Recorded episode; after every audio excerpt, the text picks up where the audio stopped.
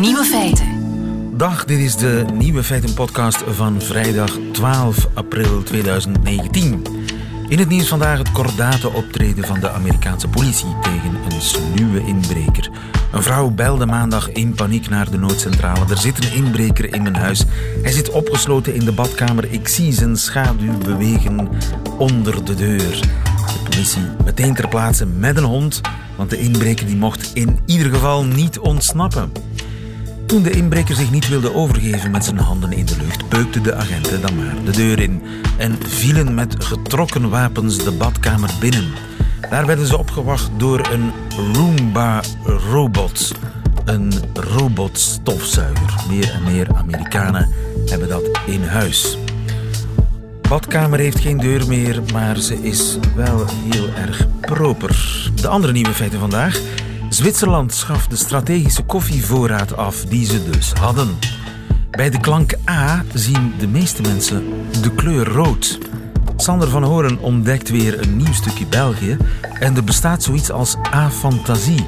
Dat zijn mensen zonder geestesoog die zich niets kunnen inbeelden.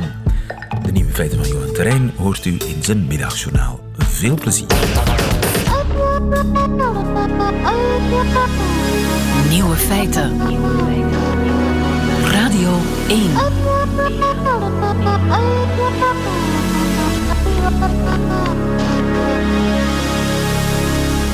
Babette uh, Monen, goedemiddag. Goedemiddag. overigens. Babette van de redactie van Nieuwe Feiten.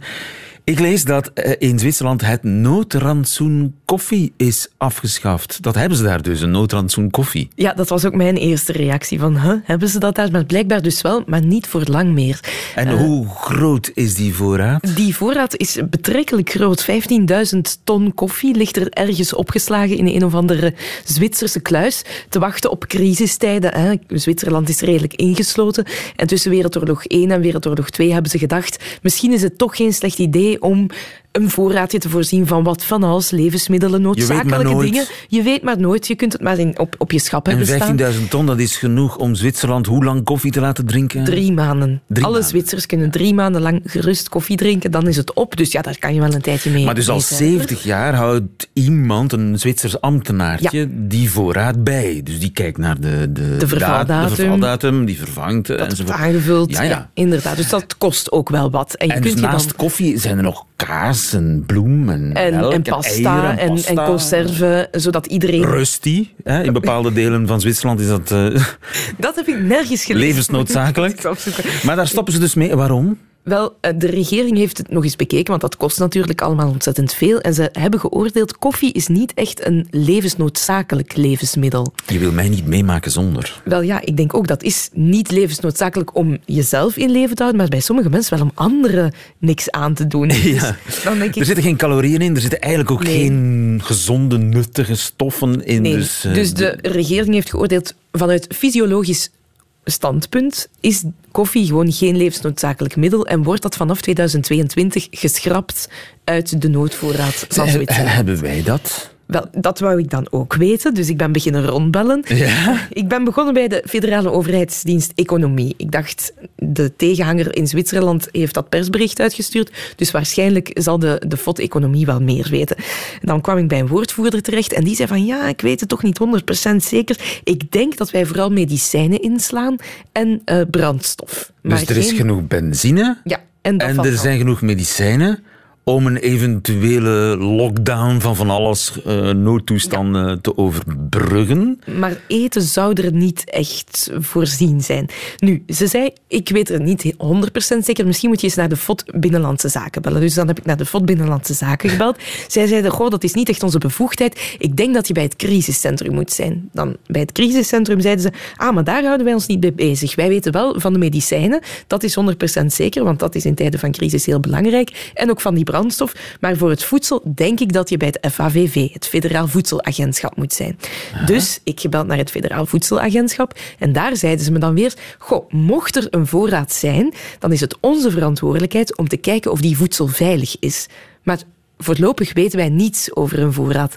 Maar misschien moet je je licht eens gaan opsteken bij de FOD Volksgezondheid. Aha. Dus ik naar de FOD Volksgezondheid en zij zeiden, ik denk dat je bij het FAVV moet zijn. Ik zei nee, want daar kom ik net vandaan. En toen zeiden ze, oké, we gaan het even opzoeken voor je. Ik denk dat je bij de Economie moet zijn. Terug bij De start. cirkel was rond. De cirkel was rond. En dan heb ik nog één keer naar de FOD Economie gebeld. En dan zeiden ze daar... Kijk, eh, er is volgens ons geen voedselvoorraad, maar er zijn wel slapende wetgevingen die eh, zeggen dat bijvoorbeeld in een tijd van crisis de voedselvoorraad die er is in de koolruits van deze wereld geconfiskeerd kan worden door de regering. Dus wat er is in het land kan dan wel in beslag genomen worden, maar we hebben niet ergens een kluis met koffie en pasta en, en conserveblikken. Dankjewel, Babette Moorman. Nieuwe feiten. De ontdekking van België. De Belgische Odyssee van een Nederlands journalist in Brussel. Sander van Hoorn, NOS-correspondent, anderhalf jaar geleden verhuisd van Beirut naar Brussel. En in eiltempo aan het verbelgen. Ja. Daarvan kom je elke vrijdag getuigen. Eh, Sander, wat heb jij eh, deze week allemaal over ons fraaie land geleerd? Nou, ik heb vooral ook iets over mijzelf als Nederlander geleerd. Maar laat ik ermee beginnen dat ik eh, geschrokken ben van premier Michel. Hoe dat zo? Hij kwam opeens op me af. Ja, ja, precies. Maak het En- mee. en Maak het mee, ja. En, en normaal gesproken moet je daar eh, toch wel om vragen. Ofwel aan de mensen om hem heen. En om een, een vraag te kunnen stellen. Maar het was eh, donderdagmiddag. eh, de, de- was die top donderdag? Ja, ik heb... Woensdag of donderdag, midden deze de week. in tijd elk helemaal ja. kwijt. Dat krijg je als je nachten doorhaalt op zo'n top. Maar in elk geval, daarvoor had je een ontmoeting van landen. Een coördinatieontmoeting van landen. Die zwaar door een no-deal Brexit getroffen zouden worden. Wij, wij noemden dat de Noordzeetop. Omdat zeg maar de Noordzeelanden, Nederland, Denemarken, Zweden, Ierland, Frankrijk.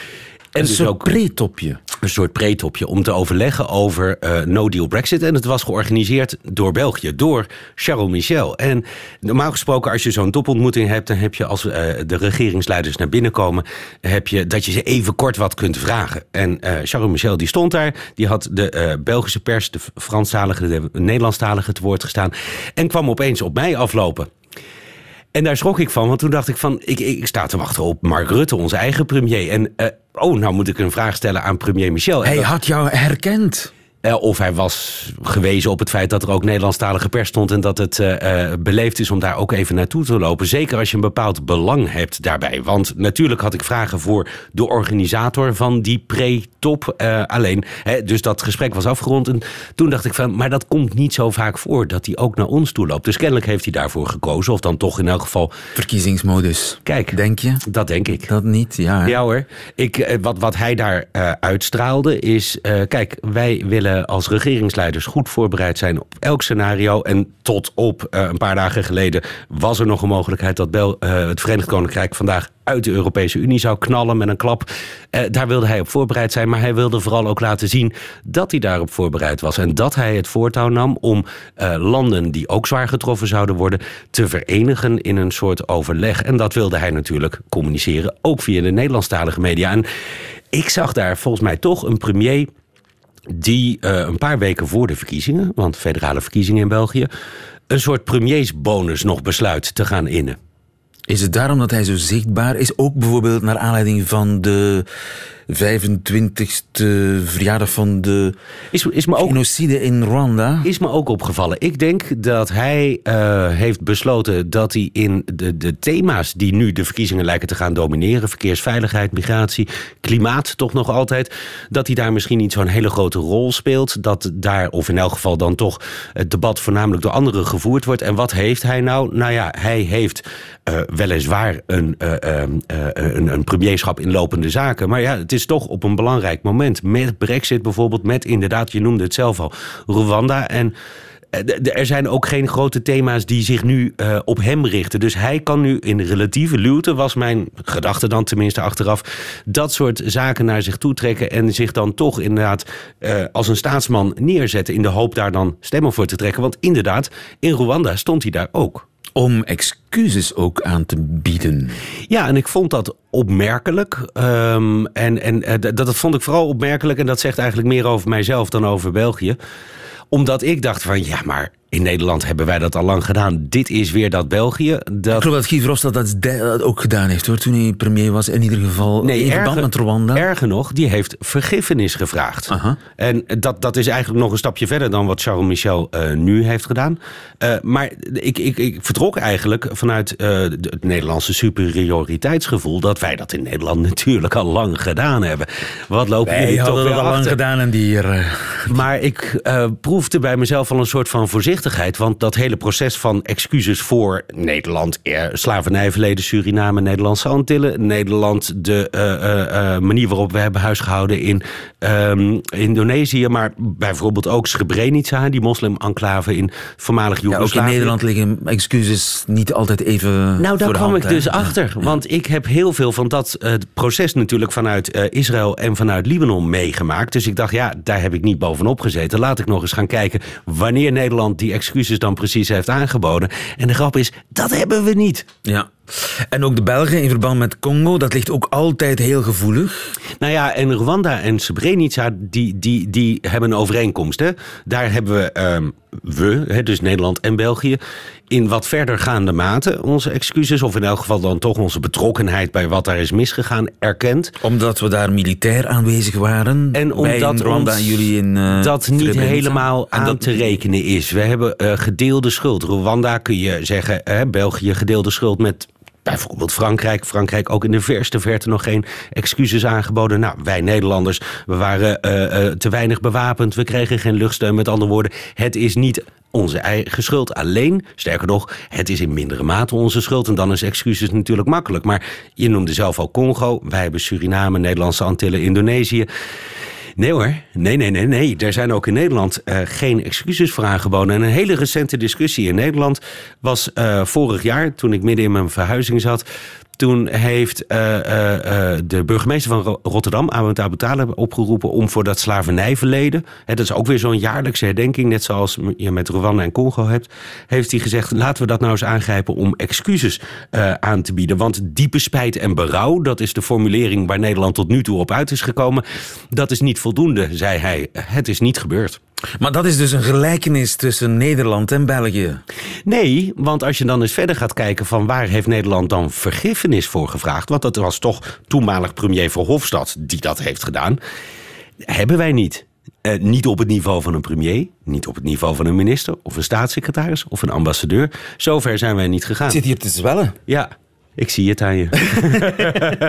en, en met Belgen zijn verder gegaan wat Rwanda betreft. Uh, maar kolonialisme, da daar zitten we toch in hetzelfde schuitje? Daar zitten we in hetzelfde schuitje. En het probleem is een beetje dat uh, je zou aan de ene kant zeggen... het moet heel makkelijk zijn. Hè? Want uh, de nabestaanden, nou ja goed, in, in het geval van Congo ligt dat ietsje anders... maar die zijn al lang overleden. Dus het is iets waar jij ook als degene die die excuses aanbiedt... niets meer mee te maken hebt. Dus je zou dat moeten kunnen doen. Zoals Verhofstadt dat heeft gedaan. En als ik Verhofstadt inmiddels als één iemand ken... dan is het als een uitermate slim rekenend politicus. Dus als hij taxeert dat vergiffenisvragen gedaan kan worden, dan kan het. Ik bedoel, dan, dan, die rekensom heeft hij gedaan en laten we hem daar nou eens in volgen. Het probleem is een beetje dat je daarmee um, op het moment dat je die vergiffenis vraagt of die excuses maakt, ook iets doet met de huidige relatie in de samenleving. En het meest recent uh, bij ons is natuurlijk die Zwarte Pieten discussie, VN-rapport. Kom niet aan onze Zwarte Pieten discussie. Elk rationeel debat onmogelijk. Maar hier heb je een voorproefje gehad van hetzelfde en het gaat terugkomen. Een VN-rapport dat heeft gekeken naar het Belgische koloniale verleden. Van Leopold II natuurlijk, maar ook van anderen. Toen ben ik een beetje in de discussie gedoken die toen voorzichtig op gang kwam. En dan zag je dezelfde reactie als in Nederland. Namelijk, maar andere landen hadden ook een koloniaal verleden. Maar Leopold II heeft het gedaan en daarna waren het de grote multinationals. Met andere woorden, waarom zouden wij excuses aanbieden? En dat is dus het verbloemen van waar het eigenlijk om gaat. Kennelijk is het een proces en ik verkeerde in de veronderstelling dat uh, de Belgen daarin achterliepen. Daarvoor vraag ik vergiffenis. Want we maken er allebei een potje van. Wat ons brengt bij de gevreesde Vlaamse woordenlijst. Dat om jouw hè, vorderingen te meten in het verbelgen moeten we toch af en toe jouw taal checken. Ja, excuses maken, vergiffenis. Ja. Ben je wel eens in je gat gebeten? In mijn gat gebeten? Nee, nee, nog nooit.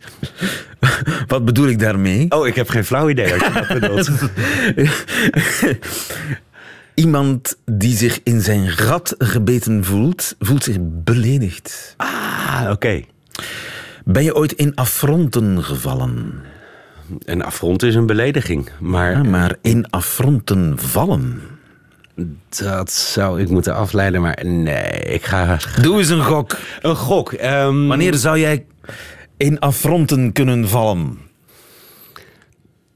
Op het moment dat je heel erg boos bent en er alleen maar beledigingen uit. Maar het zal ongetwijfeld het omgekeerde betekenen. Bijvoorbeeld, je gaat naar een feestje en je bent de enige die geen cadeau mee heeft. Juist. Dan val je in affronten. Een ongemakkelijke situatie. Of een Die je pijnlijke- jezelf aandoet. Right. Het affront dat je jezelf aandoet. Ik, Ik vind hem fraai. Echt. val in affronten. Ja. Maar je bent wel eens geënerveerd, toch? Geënerveerd. Daar ken ik alleen maar enerverend. Eh, Dat, dat is, eh, maar daar zal het dan niet mee te maken hebben. Wat betekent enerverend? Enerverend betekent opwindend eigenlijk, maar dan niet in de seksuele zin van het woord, maar in, in, in eh, je- gespannen iets is leuk. Maar het heeft een Een, enerverende dag is een topdag. Ja, precies. In Vlaanderen absoluut niet. hè? Oh nee? Nee. Een enerverende dag is een dag die verschrikkelijk op je zenuwen heeft gewerkt. Ah, oké. Ja, nee, maar niet Je enerveert me. Je werkt me op de zenuwen. Charles Michel enerveerde mij.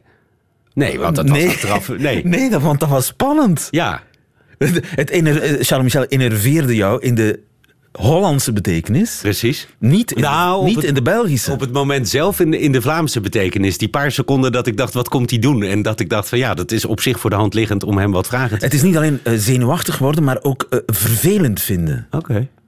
Ik, het enerveert me dat je altijd zit te tikken met, met je voet op de grond. Dat, ener, dat is enerverend. Het Vlaams kennend inmiddels een beetje moet ik het Franse woordenboek erbij pakken om te kijken wat daar eh, de betekenis is. Maar goed, men leert bij. Ja, nee hoor. Deze keer viel ik weer genadeloos door de bodem. Dus je moet volgende week weer Terugkomen. terugkeren. Niks aan te doen. Radio 1. Nieuwe feiten. Geef alles weg om bij jou te zijn. Wil alles doen om bij jou te blijven. Ach, Ariel. Ik leef alleen nog voor jou. De kleine Neem zeemeermin. mij toch mee. Neem mij toch mee. Ik hoef haar maar te laten horen, die kleine zeemeermin. En u ziet haar voor u. Dat is namelijk de magie van de radio natuurlijk. U denkt er meteen een beeld bij. Behalve als u afantast bent. Want dat bestaat, afantasie. Dat betekent niet kunnen visualiseren. En het rare is, de tekenaar van Ariel, de bedenker van Ariel, de kleine zeemeermin, Glenn Keane, een Oscar-winnende Amerikaanse Disney-illustrator, die is zelf ook zo'n afantast. Dag Celine.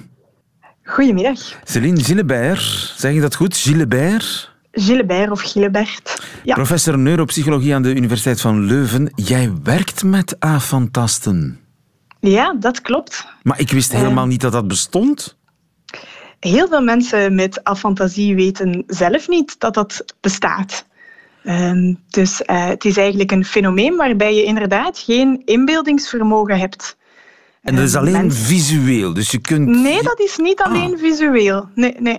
Het, komt, het is wel het meest opvallende visueel. Dus mensen met afantasie kunnen geen. eh, voor hen is het moeilijk om schapen te tellen voor ze in slaap vallen of te dagdromen. Maar heel wat mensen hebben ook ehm, moeite met het inbeelden van geuren, texturen, smaken of geluiden. Dus eh, denk eens aan een strand met palmbomen, zon en Ja. mooie mensen in sexy badpakken. Je zegt dat tegen een avantast en er komt niets. Niets. Niets. Ze krijgen geen zand, zon of zee voor hun ogen. Het zijn mensen zonder geestesoog. Ja, zo zou je het kunnen stellen, inderdaad. En is dat iets dat nieuw is of dat we pas recent ontdekt hebben? Ehm, het is niet nieuw. Ehm, het werd al eh, langere tijd beschreven en het kan ook voorkomen ten gevolge van hersenbeschadiging. Maar het werd pas voor het eerst beschreven ehm, in de normale populatie in 2015. En dan werd er een naam aangegeven, dus die afantasie. En het blijkt dat ongeveer 2 tot 3 procent van de mensen met deze aandoening wordt geboren. 2 tot 3 dus dat is ongeveer 1 op 50. Ja. 1 op 50, dat is gigantisch veel. Dat is redelijk veel, ja. ja. En je wordt ermee geboren? Je kan ermee geboren worden, ja. ja. Maar het kan ook het gevolg zijn van bijvoorbeeld een beroerte? Het kan het gevolg zijn van een beroerte, dus van een hersenbeschadiging. Uh, dan kan je dat van de ene dag op de andere hebben. Um, maar Glenn Kane zal het wellicht vanaf de geboorte gehad hebben. Dan noemen wij dat congenitale afantasie. Ja, en die man is illustrator, heeft Oscars gewonnen, werkt voor Disney of heeft ervoor gewerkt, uh, heeft uh, het iconische beeld van de kleine zeemeermin geschapen. En die kan zich visueel niks voorstellen. Ja, het heeft niet noodzakelijk een grote impact op uw, op uw dagelijkse leven. Het is niet omdat je geen inbeeldingsvermogen hebt dat je niet creatief um, kan zijn. Glenn Keane is daar een uitstekend voorbeeld van. Mensen met dat fantasie kunnen verhalen bedenken, die kunnen ontwerpen maken, die kunnen zich in situaties inleven, maar ze maken zich daarbij geen visuele voorstelling. Maar zou het kunnen dat hij net daarom zo'n goede tekenaar is? Dat is mogelijk. Hij kan meer aandacht hebben voor details. Um, hij heeft misschien geleerd om te compenseren voor zijn afantasie door heel veel um, details in zich op te nemen en, en daar veel aandacht voor te hebben. Dat kan natuurlijk, ja. Dus er valt eigenlijk wel mee te leven? Er valt absoluut goed mee te leven. Het is ook niet dat zich mensen met afantasie geen herinneringen hebben. Ze hebben wel degelijk herinneringen, maar dan in de vorm van feiten, zonder daar een beeld uh, bij te hebben. Maar jij werkt met afantasten. Uh, wat is eigenlijk het grootste probleem waarmee ze geconfronteerd worden? Als ik mij probeer voor te stellen dat ik afantast, dan zou ik bijvoorbeeld geen... Ik heb bijvoorbeeld geen beeld dan van mijn moeder. Die, ja, dat klopt. Um, dus die overleden ze kunnen... is. Dus ik, ik kan mij haar niet meer voorstellen. Ja, dat klopt. Dus je kan, um, ze kunnen geen levendige herinneringen ophalen. Hè. Ze kunnen Um, ze kunnen daar geen beeld aan koppelen en dat is soms moeilijk. Um, als je herinnering wilt ophalen aan dierbaren die, die je verloren bent, ja, dan wij mensen met, met een inbeeldingsvermogen, um, die gaan daar ja, een, een beeld aan koppelen of geluiden en geuren aan koppelen. En dat is moeilijk voor iemand met afantasie. Ja. Kunnen ze mensen herkennen? De meeste mensen met afantasie kunnen mensen herkennen. Een subgroep daarvan heeft wel problemen met het herkennen van gezichten. Ja. Want ja, je hebt een beeld in je hersenen nodig en dat beeld moet overeenstemmen met de mens die je in het ware leven voor je ziet, voor je de connectie kan leggen, toch? Ja, het is niet omdat je geen beeld in, dat je het gezicht van iemand niet voor je ogen kan halen, dat je die persoon niet kan herkennen als je die persoon ook ziet. Ja, ja. Ja, want bijvoorbeeld iemand met afantasie kan een partner perfect beschrijven. Ja, ja dus kan visuele kenmerken beschrijven. Die informatie is er wel. Ja. ja. Alleen het beeld niet. Het beeld is er niet. Het is, het is ook moeilijk voor hen bijvoorbeeld om um, een route uit te leggen aan iemand anders. Want als je je een route moet uitleggen, dan probeer je die in te beelden en zeg je ja, je moet de tweede straat naar links gaan en dan naar rechts. En dat is heel moeilijk voor iemand met afantasie. Want je, je ziet de straat niet voor je, dus je kunt Je ziet de straat niet voor je, je ziet de gebouwen niet voor je. Ja, dat klopt. Dat is heel moeilijk. Dus jij werkt met die mensen. Kun jij iets voor hen doen? Um, nee, we kunnen niet, niets voor, um, voor hen doen en dat hoeft ook niet, want um, het heeft eigenlijk voor hen, of mensen met, met de congenitale variant die daarmee geboren zijn, het heeft weinig impact op hun dagelijkse leven, omdat ze geleerd hebben om hiervoor te compenseren. Dus wij bestuderen mensen met afantasie om eigenlijk meer um, te weten te komen over hoe dat um, verbeelding of het inbeeldingsvermogen werkt en welke hersengebieden daarbij betrokken zijn. Ja, ja. Uh, veel mensen weten niet eens van zichzelf dat ze het nee. hebben. Nee, dat klopt. Um, veel mensen die, die um, ontdekken dat pas um, tijdens hun adolescentie of vroege volwassenheid door erover te lezen of door er uh, iets over te horen. Bijvoorbeeld nu met het verhaal van Glenn Keane zullen heel wat mensen opnieuw um, ontdekken van oei, um, ik herken me daarin. Um, ik heb misschien ook afantasie. En is dat dan een opluchting als mensen daarachter komen? Zo van, dat is het, dat is de sleutel. Ja, ja, soms wel, maar soms leidt het ook tot heel wat verbazing van, oh, Ik dacht dat niemand zich een beeld kon voorstellen. Ik wist niet dat anderen zich wel een beeld uh, voor ogen kunnen halen, of gezichten voor ogen kunnen halen, of een scène voor ogen kunnen halen. Ja. En als ik dat nu bij mezelf zou vaststellen, is er iets wat je mij kunt aanraden? Moet ik uh, ergens een praatgroep zoeken? Of, of als je daar geen last van hebt, dan hoeft dat niet. Nee, absoluut niet. Trots zijn. Afantasie Pride organiseren, misschien met een paar gelijkgestemden. Uit de kast komen. Hè? Ja. Céline Gilbert, dankjewel. Heel goede middag nog verder. Dag. Nieuwe feiten. Radio 1. Ik heb er altijd aan getwijfeld, maar nu geeft de wetenschap Marco Borsato gelijk de kleur van jouw lippen. Vandaag is rood, wat rood hoort te zijn. Vandaag is rood. Het is niet alleen een nummer van Marco Borsato. Het klopt ook echt. Goedemiddag, Mark Dingemansen. Goedemiddag. U bent taalonderzoeker aan de Radboud Universiteit in Nederland. Vandaag is echt rood, want uit onderzoek blijkt dat de meeste mensen de A associëren met rood. Klopt dat? Dat klopt, ja. Ja, dat hebben wij gevonden. Ja. We hebben uh, bijna 1200 mensen gevraagd hoe ze klinkers associëren met kleuren. Dus je hoort dan een klank zoals A of I en dan mag je uit een heel kleurenpalet een kleur kiezen. En een van de dingen die eruit komt is inderdaad dat veel mensen, niet allemaal, maar veel mensen voor A een kleur in het rode spectrum kiezen. Ja, want ik dacht eigenlijk eerder aan geel.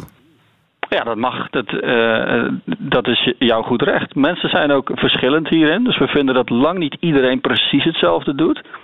Maar we vonden wel dat mensen verbazend veel gelijkenissen vertonen in, in de uh, algehele patronen. En is dus dat bij Nederlandstaligen nou, of ook bij anderstaligen?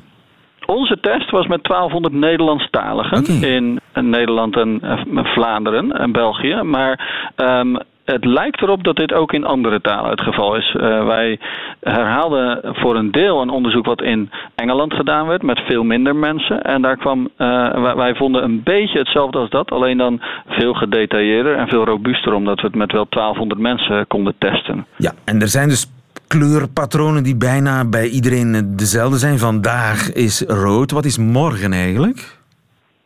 Uh, ja, de oh, ja, daar, dat, uh, wat wij vonden was dat veel mensen daarbij voor een blauwe of een paarse uh, kleur gaan. In ieder geval een donkere kleur. Ja, en gisteren? En, ja, dat, nou, daar zit een E-achtige klank in. Ja. De E, de I, de E, aan die kant van het spectrum koos men vaak juist voor lichtere kleuren. Lichtgroen, lichtblauw, lichtgeel. Dus morgen is paars, gisteren is groen. Vandaag is rood. Ja, dat zou je kunnen zeggen. Maar wat ik ook raar vind, is dat ja, de meeste zelfstandige naamwoorden slaan op een ding. Een banaan bijvoorbeeld. Kan toch moeilijk rood zijn? Ja, dat klopt. Ja. Wat wij eh, deden was eigenlijk alleen maar de klinkers uh, aan mensen voorleggen. Dus je hoort dan in ons experimentje een klank uh, die ofwel kan klinken als I of als E of het midden uh, houdt tussen die twee. En dan wordt je gevraagd om daar een kleur bij te kiezen. Dus eigenlijk zegt ons onderzoek niks over zelfstandig naamwoorden. Het kan zijn dat je daarbij nog ook een gevoel hebt. Als je dat echt consequent hebt overigens, als je alle letters altijd als gekleurd ziet of voelt, dan ben je een synestheet. Ongeveer 1 op de 25 mensen zijn synestheet. Maar wat ons onderzoek laat zien is dat een veel groter aantal mensen, ongeveer 70% van alle uh, mensen in ons onderzoek, um, sowieso een bepaalde uh, logica heeft in hoe zij kleur aan klank koppelen. Dus ze zien dat misschien niet direct, maar desgevraagd uh, beamen ze wel allemaal dat bijvoorbeeld voor I een lichtere kleur past dan, uh, en voor O of O een donkerdere kleur. Ja, een lichtere kleur, maar dat kan dan lichtgroen of lichtblauw zijn. Mag allemaal, ja. ja. precies. De wetenschap maakt dat niet uit. Maar wat wel interessant is, is dat de wetenschap vindt dat iedereen die kleurenruimte, zeg maar, dat hele spectrum van kleuren, op ongeveer dezelfde manier legt over de klankruimte. Uh, de verschillende klinkers die je in je mond kunt maken. Dus altijd die lichtere kleuren aan de I-kant en de donkerder aan de O-kant en donkerder en roder aan de A-kant. En zit daar een systeem, een logica achter? Ja, wat wij, wat wij vonden is dat dus iedereen dat in grote lijnen hetzelfde doet. Uh, zowel de synestheten, die mensen voor wie dat automatisch is, uh, als de mensen wie wij dat in dit experiment vroegen. Um, en dat het ook nog iets te maken heeft met je taal, met de klinkers van je taal. Dus alles wat achteraan i, dat is licht. En alles wat vooraan o, ja, nou, ik, ik, ik, ik hoor wat je probeert te doen. Uh, inderdaad, maak je de klanken uh, zoals klinkers op een bepaalde manier in je mond. Voor de i kun je voor, bij jezelf even testen. Gaat je tong aan de voorkant van je mond een beetje omhoog. I, en heb je eigenlijk vrij weinig ruimte over in je mond. Voor de o um, uh, gaat die juist aan de achterkant omhoog. En voor de a ligt je tong bijna helemaal laag in de mond. Komt die helemaal niet in de buurt van je gehemelte. dus dan heb je eigenlijk de, de grootste ruimte in je mond over. A. Um, en zo maken we die klinkers. En het kan wel zijn dat aan die tongbewegingen uh, bepaalde um, associaties verbonden zijn. Dat is lang gedacht, bijvoorbeeld voor grootte. We voelen dat I kleiner klinkt dan A. Uh, en dat heeft wellicht te maken met uh, hoe groot je mondholte op zo'n moment is. Um, het soort associaties die wij nu met kleur vinden is minder makkelijk op die manier te, uh, te verklaren. En dat is een van de vervolgvragen voor ons. Hoe zit dat precies? Waarom zijn ze precies zoals wij vinden? En welke kleur heeft buurt? De U is uh, een beetje in de buurt van de I. En um, veel mensen kiezen daarvoor een lichtere kleur. En een Oe? Lijkt me donker, hè? Oersoep, nou, dat, ja, de boer nou, dat, ploegt. Ja, je intuïties kloppen helemaal. Uh, uh, oeh is inderdaad door de meeste mensen een donkere kleur toegekend. Vandaag is er rood. Ik zal het makkelijk onthouden. Dankjewel, Mark Dingemans. Hè. Goedemiddag. Goedemiddag. Nieuwe feiten. Middagjournaal. Beste luisteraar. Onlangs flaneerde ik een verjaardagsweekend lang door de Vlaamse Ardennen. En die gelegenheid deed mij belanden in een restaurant waar Gomio al eens twee koksmutjes had achtergelaten. We werden vriendelijk ontvangen, zonder al te veel gedoe, en we hoefden maar weinig vragen te beantwoorden. Vegetarisch of niet, en vier of vijf gangen. Daar hou ik van. Een chef die al gekozen heeft wat ik ga eten. Met een kleine check-up van je hongergevoel en je principes in verband met voeding ben je klaar. Ik vind vragen beantwoorden op restaurant eerder vervelend. Hoe mag dat gebakken zijn? Welke saus mag daarbij? Frietjes of kroketjes, witloofslaatje of groenslaatje? Tegen de tijd dat al die vragen beantwoord zijn, heb ik het zelf al klaargemaakt. Vroeger op school zijn pedagogisch onderlegd leraar stevast: er zijn geen domme vragen, maar op restaurant is het gevaar op domme vragen gigantisch. Zal ik uw jas aannemen? Nee, ik drop hem hier wel op de grond. Zal ik de menukaart even brengen? Nee, ik zoek wel even telepathisch contact met de chef. Kom je iemand tegen die je kent, vraagt hij: Kom jij hier ook eten? Nee, ik kom voelen hoe deze stoelen zitten. Er bestaan dus wel degelijk domme vragen, maar hier, in dit restaurant, werden ze speciaal voor mijn verjaardag niet gesteld. De sommelier had interessante bijpassende wijntjes en deed zijn vlotte praatje vol begeestering. Hij nam ons mee naar schitterende wijnstreken. Niet echt natuurlijk, daarvoor heb je op zo'n avond uiteindelijk te weinig tijd, maar wel in onze verbeelding. Ik ging zo mee in zijn trip dat ik spontaan vragen begon te stellen. Ben je zelf ook op dat domein geweest? Nee, dat helaas nog niet. Ah, daarnet leek het heel even alsof u goede vrienden was met de wijnbouwer. Nee, dat was maar bij wijze van inleving. Ik had de jonge man met mijn vragen ontregeld. De sommelier lachte groentjes en zou pas later ontdekken dat we een gang minder namen en hij het wijntje dus zonder bijpassende schotel had geserveerd. Toen we aanstalten maakten om af te rekenen, kwam een serveerster weer wraak nemen. Ze stelde alsnog de vraag te veel. Wij vragen ons dan nu al de hele avond af: hoe heet u ook alweer? Ik lachte, alsof me dat nu altijd overkwam. Frank van den Abelen, zei ik droog, en ik knipoogde samenzweerderig. De serveerster lachte. Ah ja, juist, natuurlijk. In haar gezicht zag ik donderwolken en een enkele bliksemschicht. Heel even overwoog ik om snel een Wikipedia-pagina aan te maken op de naam Frank van den Abelen, restaurantpseudoniem van Johan Terrein, die als hij domme vragen stelt of domme antwoorden geeft, liefst anoniem wenst te blijven.